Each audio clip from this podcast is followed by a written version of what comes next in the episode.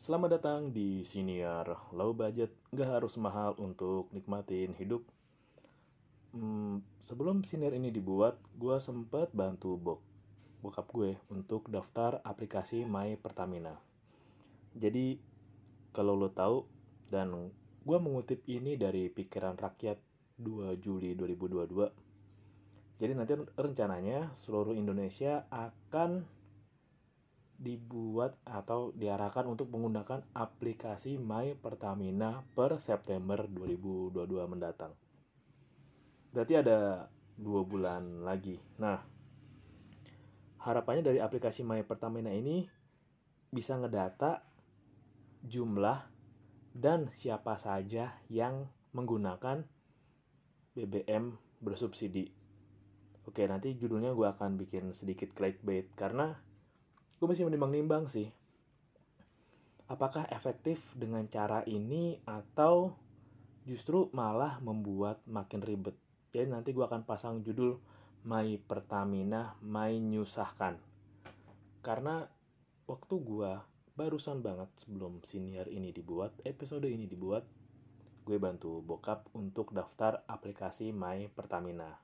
Jadi emang karena gue tinggal di kota satelit termasuk kota-kota yang diwajibkan untuk pakai aplikasi itu. Dan tadi gue sempat baca juga bahwa per Juli ini sudah ada 13 kota yang wajib untuk menggunakan My Pertamina ketika ingin mengisi BBM bersubsidi. Oke, kita runut satu-satu. Tujuannya adalah baik agar pemerintah bisa mendata siapa saja dan kendaraan apa saja yang membeli bensin bersubsidi. Oke, tujuannya baik. Tapi implementasinya pun ini yang masih ya menurut gue masih sangat bisa diperbincangkan dengan santai. Karena tadi pas gue coba bantu bokap daftar, buat gue sendiri yang ya terbiasa pakai teknologi untuk keseharian dan aktivitas harian cukup rumit karena selain ya tampilannya begitu terlalu banyak kotak sih untuk tampilan user interface-nya masih banyak kotak dan kita perlu tahu juga. Dan sebelum masuk ke uraian pembahasan ya gue pernah beberapa kali jelasin bahwa Indonesia itu negara yang sangat luas negara yang banyak bermacam-macam pulau. Jadi kalau mengutip dari Bang Panji Indonesia itu seperti kapal pesiar. Anggaplah Indonesia seperti kapal pesiar Titanic. Untuk bisa mengendalikan Titanic agar mampu berbelok, perlu persiapan yang panjang dan kesiapan dari seluruh bagian dari ujung ke ujung. Makanya kita bukan seperti kapal ferry atau bukan seperti speedboat atau seperti jet ski yang ya kalau belok ada misalnya ada tebing di depannya kita kehindar dia langsung belok gitu. Enggak, Indonesia enggak kayak gitu dan emang bener Ketika ingin berbelok menghindar sesuatu, maka semua elemen harus bergerak dari ujung ke ujung. Makanya kalau lu belajar IPS kita dulu waktu belajar kan dikenal tuh namanya desentralisasi sama dekonsentrasi. Ya, walaupun penerapannya pun masih kebanyakan desentralisasi dan ya tahu sendirilah mau pakai dekonsentrasi pun beberapa wilayah pemimpinnya masih dan pernah beberapa kali tertangkap karena korupsi. Wow. Oke. Kembali lagi. Dan kalau untuk mendata aplikasi Pertalite ini memang perlu bisa gue bilang perlu effort yang sangat mendalam karena kayak untuk gue aja. Hmm, oke. Okay. Kalau di runut tadi kan pas gue baca per Juli ini dikhususkan di Pulau Jawa dulu deh sebagai acuan kan. Dan kalau lo ingat lagi bahwa yang menggunakan Pertalite itu levelnya banyak banget. Dan gue masih nggak tahu nih bagaimana kalau yang menggunakan anak masih sekolah dasar. Karena lo tahu sendiri bagaimana anak-anak SMP pun mereka berangkat ke sekolah sudah pakai motor dan ya mungkin sekarang mereka masih ngisi pom lah walau pertalite 10 ribu, 15 ribu itu pendaftaran gimana gue masih belum nemuin datanya bagaimana cara mereka daftar pun juga bagaimana untuk orang-orang yang belum memiliki kartu tanda penduduk. Jangan salah, banyak loh orang yang masih belum memiliki KTP, entah ada yang luarsa, entah ada yang pindah atau belum yang diurus.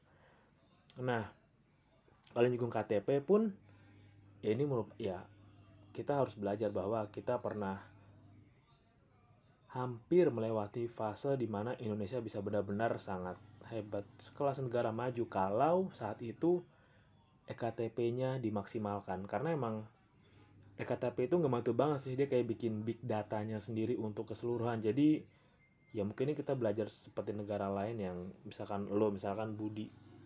Dengan EKTP Budi dengan e, e data Budi semua langsung bisa terrekord dengan jelas dari ujung sampai ujung kayak selain selain data diri, data keluarga, dan bisa dimasukkan juga soal misalkan data di banknya juga, data mereka ada tunggakan apa juga, kriminal apa enggak, dan memang beberapa bank mungkin yang memiliki verifikasi lebih canggih pun punya rekam jejak itu. Dan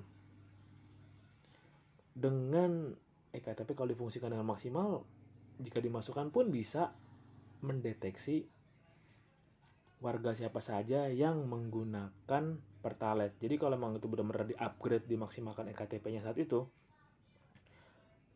untuk membuat aplikasi Pertamina ah, bisa dikesampingkan dulu karena ya lu ketika beli Pertalite lu cukup scan EKTP atau gesek ya pasti setiap ya kalau misalkan itu EKTP benar-benar maksimal bisa difungsikan dengan maksimal lu beli bensin pun bisa gesek gesek gesek.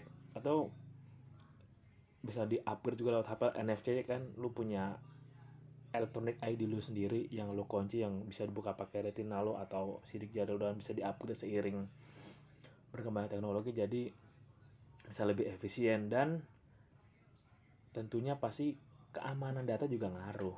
Dan itulah sebabnya ya kita tahu lah kemarin pun situs pemerintah pernah ada yang dihack kan ya terkait berita politik itu jago-jagoan sama hacker. Dan belum lagi soal big data dari bank BUMN yang pernah tersebar di deep web.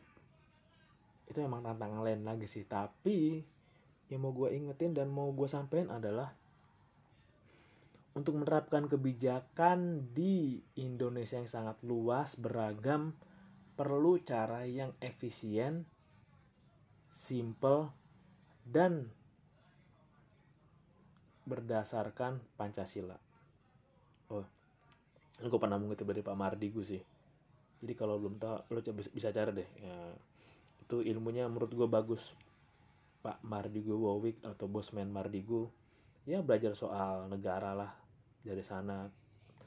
Cara intelijensi gimana, cara membaca peta dunia gimana, cara melihat apa yang terjadi di dunia internasional gimana itu lo bisa cari tahu soal beliau. Nah, ketika buat kebijakan emang harus diacuin oleh Pancasila. Ya bagaimana kayak sila pertama ketuhanan yang Maha Esa. Tentunya bahwa sebelum aplikasi pasti perlu izin dulu lah kayak oke okay, ya Allah ya Tuhan oke okay, berikan pasti berdoa dulu kayak mohon bimbinglah kami untuk memudahkan briefing atau brainstorming untuk ini dan dua kemanusiaan yang adil beradab.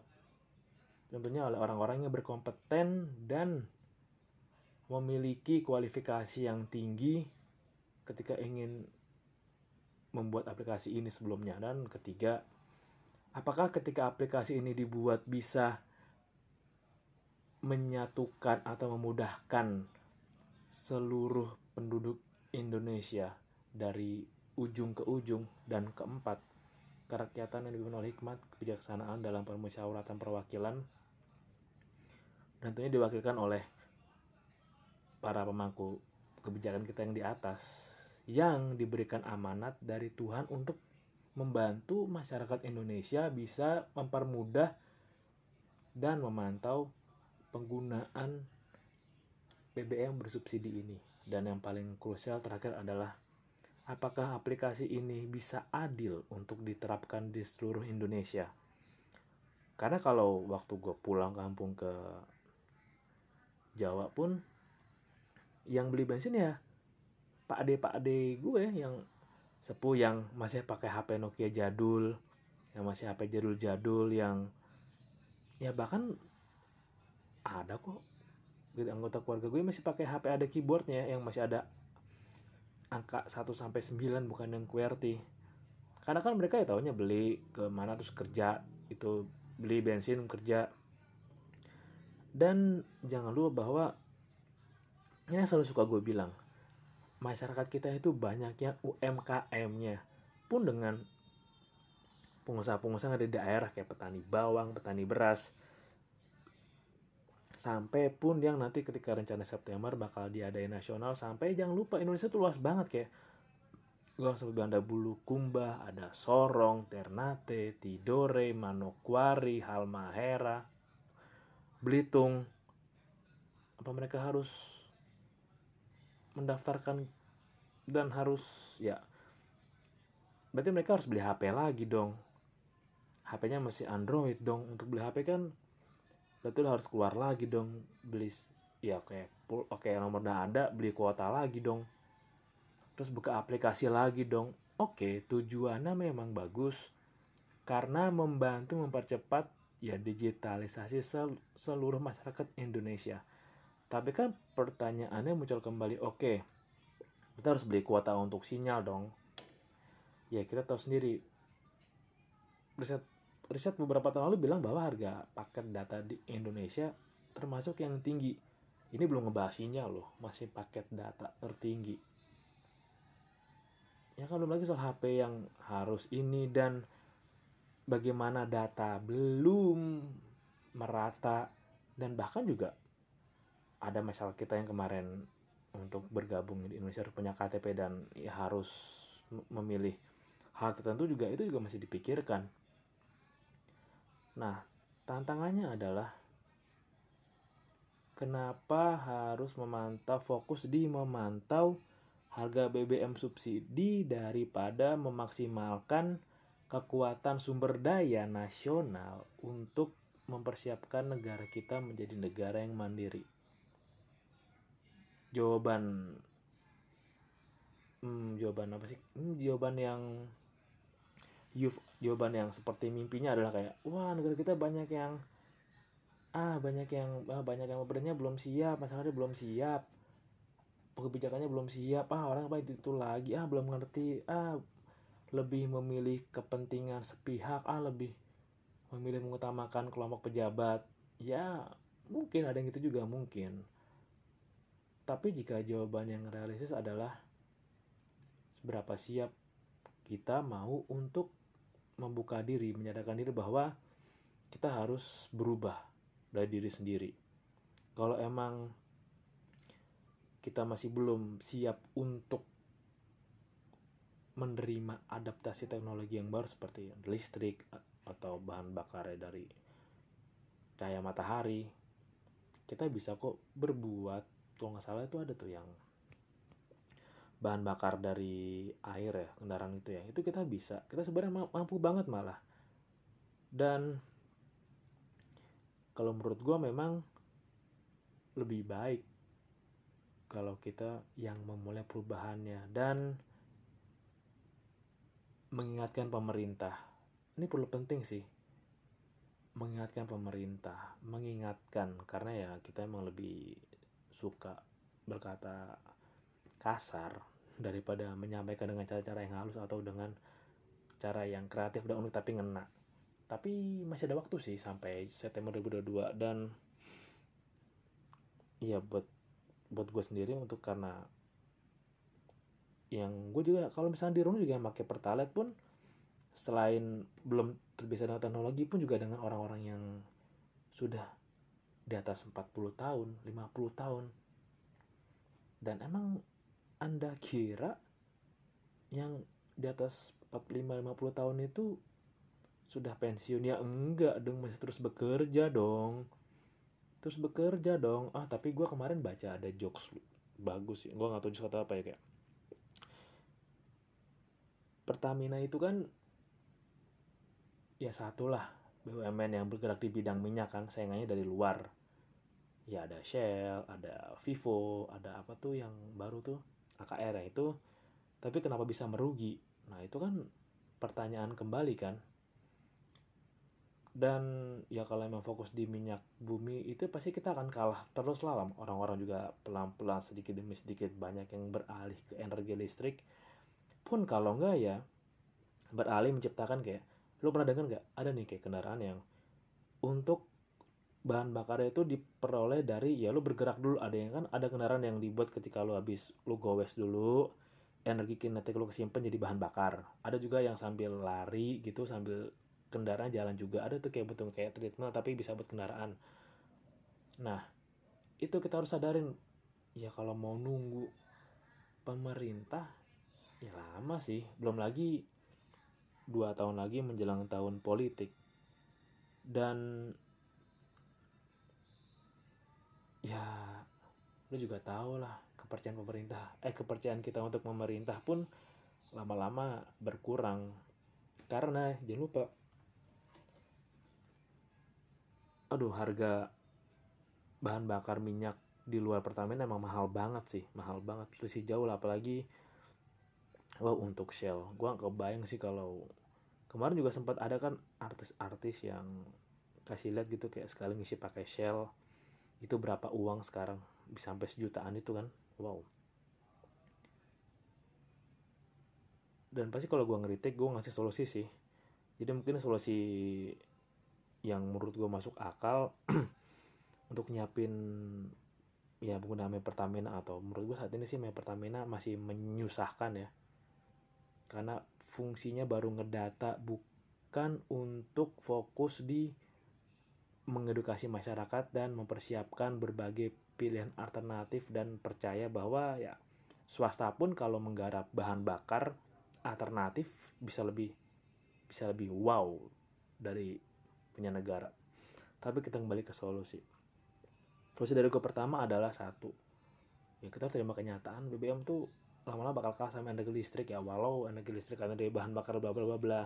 Tapi seiring bertambah teknologi pun ya akan siap akan ada cara-cara kita menyiapkan bahan bakar sendiri yang terbarukan pasti bakal ada. Dan ya lu kalau nggak mau kalah dan kalau sampai pemerintah negaranya kalah gitu merugi wow pertanyaan sekali sih. Jadi lu jadi ya kita harus mau ngingetin pemerintah untuk mau membuka peluang terhadap energi baru. Uh, gue masih agak berat bagi gue kalau menerima kenyataan bahwa kok bisa gitu. Ngambil apa ya mengutamakan sekelompoknya sendiri. Gue masih belum nggak nangkap sih di kepala gue kenapa ada orang yang kayak gitu. Karena menurut gue ya nggak masuk aja di gue. Nggak bisa gue kayak gitu sih. Jadi dan ini gue punya oh ini kata bosman sih ya kebijakan yang dibuat oleh orang-orang yang silver plate eh silver spoon and golden plate sulit untuk mengerti keadaan ekonomi masyarakat. Ya, kebijakan dibuat oleh orang-orang yang tidurnya empuk di kasur king coil, mem memikirkan rakyat yang tidur di alas stiker, di alasan pasir, trotoar, kasur yang busa udah keluar mana-mana. Ya agak nggak relate lah, nggak relate banget. Dan selain kita harus ingetin pemerintah harus sedia energi alternatif, yang kedua ya harus terima kenyataan sih swasta itu bisa bergerak lebih lincah dan cepat. Itu gue percaya sih ya. Kalau ditilik dari apa yang terjadi di luar sana makanya Amerika itu negara swasta kan. Swastanya gue internasional. Dan salah gue tuh BUMN yang pengen Pertamina tetap jangan jadiin masyarakat sebagai target pasar lo dan selalu gue coba sih. Jadi ya kalau emang untuk negara kembangin keluar lah. Kayak skuter listrik udah oke okay tuh skuter listrik. Terus kembangin lagi kayak seperti belajar dari Amerika lah. Mengembangkan gitu kan men mengembangkan kayak Apple dari Amerika juga kan dan Chevrolet GE dulu General Electric target dengan negara besar buat jadi market kita.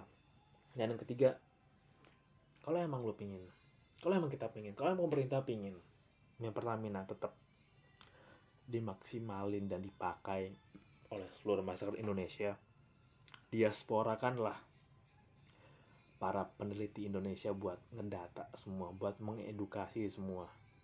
Kita punya SDM yang hebat menurut gua apalagi soal IT kita keren kali gak kalah dari India. Ya udah diaspora aja. Orang-orang disebar ke berbagai daerah titik-titik. Tugas yang ngedata membuat aplikasi yang ringkas yang lebih praktis. Swasta bisa melakukan itu. Lebih ringkas cepat murah efektif efisien UI-nya menarik nggak gampang keberatan situsnya. Swasta bisa. Pelan-pelan mulai percayakan swasta diasporakan para tenaga ahli kita untuk ngedata itu semua. Banyak anak-anak magang kita berdayakan. Kalau bisa soal Pertamina dari BUMN ini sebarin ke Indonesia kayak ada yang ditaruh di di Sabang, ada yang ditaruh di tadi di Belitung, ada yang ditaruh di Banjarmasin, semua disebar untuk ngedata dan ngedukasi pengguna Pertamina, memantau data mereka, mem sekali kalau bisa sih mempersiapkan verifikasi data mereka dan memastikan lagi bahwa sekalian mengimplementasikan aplikasi sekalian mendata masyarakat kita yang belum tersentuh, yang masih kurang tersentuh akan teknologi, akan kelengkapan data diri kayak tadi ada yang belum punya KTP, kalau mau daftar main Pertamina juga bingung, isi gimana, pun juga dengan meminimalisir resiko soal data yang bisa bocor. Karena udah beberapa kali kan terjadi kebocoran data di badan BUMN dan ah, gue masih agak sebel tadi sih ketika bantuin bokap gue pakai aplikasi main Pertamina. Karena buat gue aja main nyusahkan. Apalagi buat saudara-saudara gue yang pakai di sana yang di luar pulau yang banyak banget yang HP-nya bahkan belum Android yang sinyal masih susah yang data dirinya belum lengkap yang usianya pun udah nggak terbilang muda untuk mudah belajar hal baru perlu adaptasi lagi dan belum tentu daerah sana tuh ketika pakai aplikasi ada anak muda yang mau ngajarin. Dan belum lagi yang bahaya. Soal radiasinya. Kalau nggak salah sih tiap-tiap HP punya radiasi yang beda. Seingat gue ya ada yang rendah ada yang kenceng. Gue lupa tergantung apa ya kekuatan jaringan atau apa gitu. Tapi tetap aja meminimalisir apa yang bisa terjadi itu sangat perlu sih belum lagi kita ya udah berapa kali patah hati dengan pemerintah. Mulai dari bansos mulai dari soal lobster mulai dari soal harganya minyak goreng kemarin.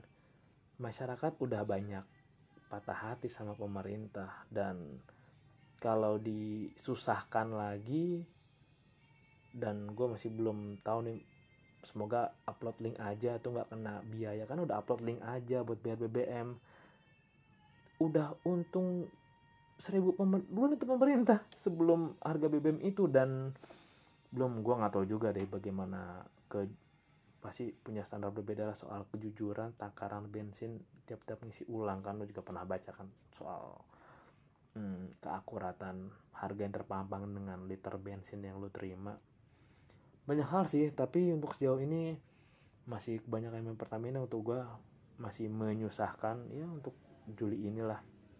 Semoga nanti bisa lebih mudah. Ada alternatif lain yang bisa dipakai daripada harus pakai aplikasi itu. Dan ya semoga pemerintah mau sih menyediakan alternatif lain yang lebih waras tentunya. Karena ketika lo gue ambil contoh dari ketika lo berkendara Jakarta tiap pagi tuh udaranya udah kayak orang bener.